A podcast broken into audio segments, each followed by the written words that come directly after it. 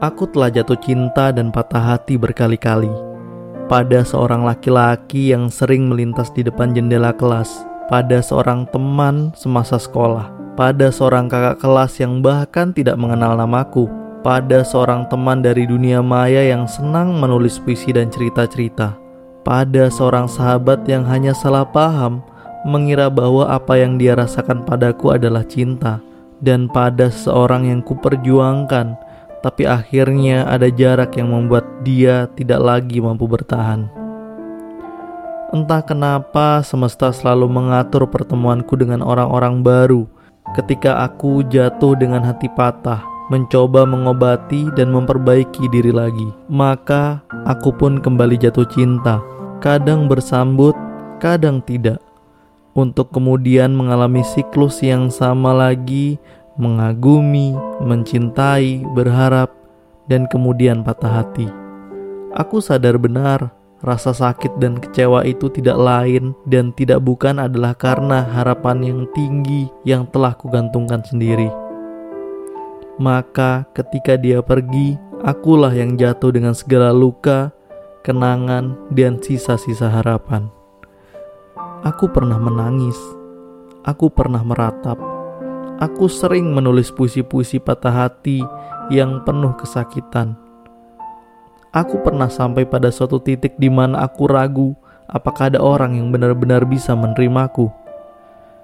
Selama ini, aku merasa aku sudah berusaha tentang banyak hal, menerima, memahami, berjuang untuk bertahan.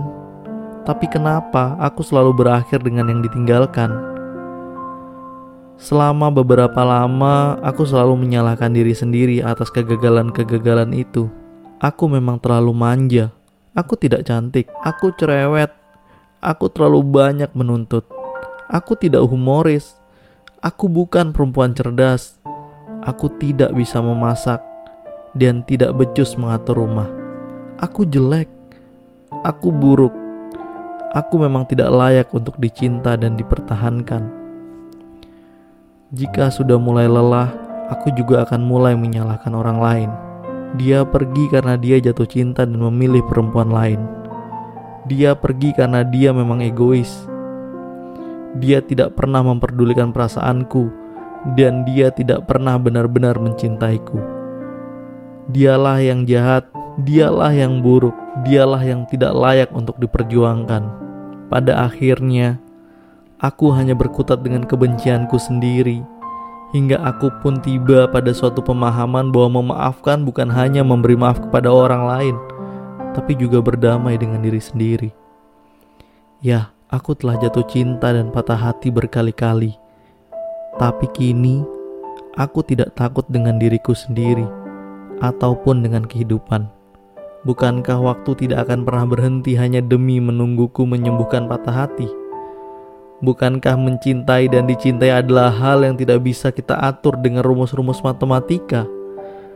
Jika aku tidak percaya pada diriku, barangkali tidak akan ada lagi orang lain yang percaya padaku.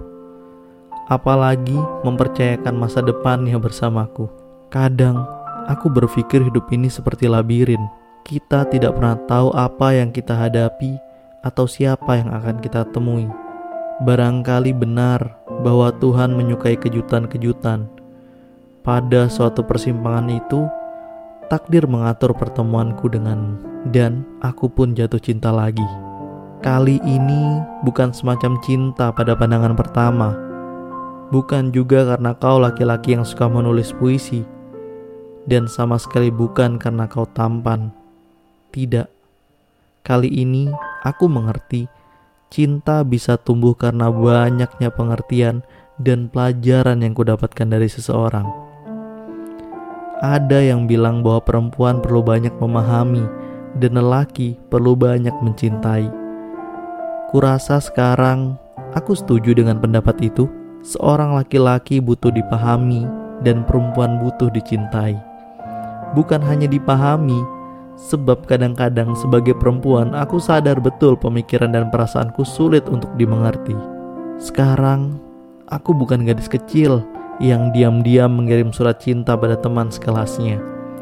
Aku bukan lagi gadis yang masih pergi ke kampus dan menatap diam-diam pada kakak tingkat idaman yang melintas di depannya. Aku juga bukan lagi gadis melankolis yang mengharapkan cinta pada pandangan pertama untuk dijadikan inspirasi menulis puisi-puisi. Aku seorang perempuan yang akan terus berusaha memantaskan diri dan memahami bahwa sebuah hubungan tidak hanya memerlukan cinta, tetapi juga banyak pemahaman dan pengertian. Bersamamu lah aku belajar tentang semua itu. Kau bukan lelaki yang hanya akan meminta dikagumi dan dipahami, tetapi kau juga akan memberikan cinta dan pengertian yang sebanding sekalipun sebuah hubungan bukanlah soal perhitungan untung rugi. Kau bukan lelaki yang hanya akan diam ketika aku melakukan kesalahan. Kau tidak segan menegur dengan cara baik-baik dan memberikan pengertian bahwa apa yang kulakukan bukanlah hal yang bisa dibenarkan. Kau membuatku merasa dihargai dan dicintai sebagai seorang perempuan. Kau memang tidak selalu menuruti permintaanku, tapi kau selalu memiliki alasan untuk setiap perbuatan dengan logika dan perhitungan yang matang. Kau melengkapiku yang lebih banyak bertindak menggunakan perasaan dibanding menjauh pergi ketika aku marah dan salah paham. Kau akan mengajakku duduk bersama dan membicarakan masalah kita baik-baik, seperti yang seharusnya dilakukan dua orang dewasa. Kau selalu berkata padaku, "Katakan, dan aku akan mendengarkan." Dibanding diam, memendam kemarahan dan masalah yang sebenarnya tidak kau pahami, aku belajar untuk berbicara, menyampaikan padaku apa yang telah menjadi ganjalan dalam benakku. Kau laki-laki pertama yang mengajarkan padaku bahwa semua hal bisa diselesaikan dengan saling bicara dan mendengarkan. Maka, untuk menjaga agar apa yang telah kutemukan tidak lagi hilang, aku akan terus belajar dan belajar. Bukankah sesungguhnya hidup juga adalah sebuah proses belajar yang tidak akan berakhir hingga nafas kita berhenti? Begitupun dengan mencintai. Aku belajar dari kesalahan-kesalahan masa lalu ketika aku gagal dan patah hati berkali-kali. Aku juga belajar darimu, dan kau belajar dariku tentang memahami, menerima, mengerti, memberi, mendengarkan, dan bertahan bersama kita memang baru mulai berjalan beberapa langkah. Bukankah perjalanan yang panjang selalu dimulai dari langkah-langkah kecil? Barangkali kita akan terjatuh, tertatih, tersandung, terseret, tersesat, bahkan juga akan terluka. Satu hal yang penting di antara semua itu, kita harus selalu berjalan beriringan, bukannya saling memunggungi dan menjauh di suatu persimpangan. Aku mencintaimu, kau mencintaiku. Kita telah banyak belajar bahwa bukan hanya cinta yang dibutuhkan untuk bertahan. Maka, mari bertahan, mari saling mengingatkan, saling belajar, dan terus berjalan berdampingan. Jika kau lelah dan diserang keinginan untuk menyerah, ingat lagi perjalanan kita dari awal. Semua hal yang pernah kita hadapi bersama, dan kenangan-kenangan kecil yang bisa membuatmu tertawa Ingat semua kesulitan yang telah kita selesaikan dan kembalilah bertahan. Genggam tanganku, ingatkan jika aku melakukan kesalahan. Peluk aku jika aku lelah. Dengarkan jika aku berbicara dan ingatkan aku tentang tulisan ini jika aku mulai lupa. Untuk lelaki yang tengah berjuang bersamaku, semoga kita bisa tetap menjadi sepasang sahabat baik yang saling memahami hingga nanti dan aku tidak ragu lagi bahwa sekalipun aku sudah jatuh cinta berkali-kali, jatuh cinta terbaikku adalah kamu. Cinta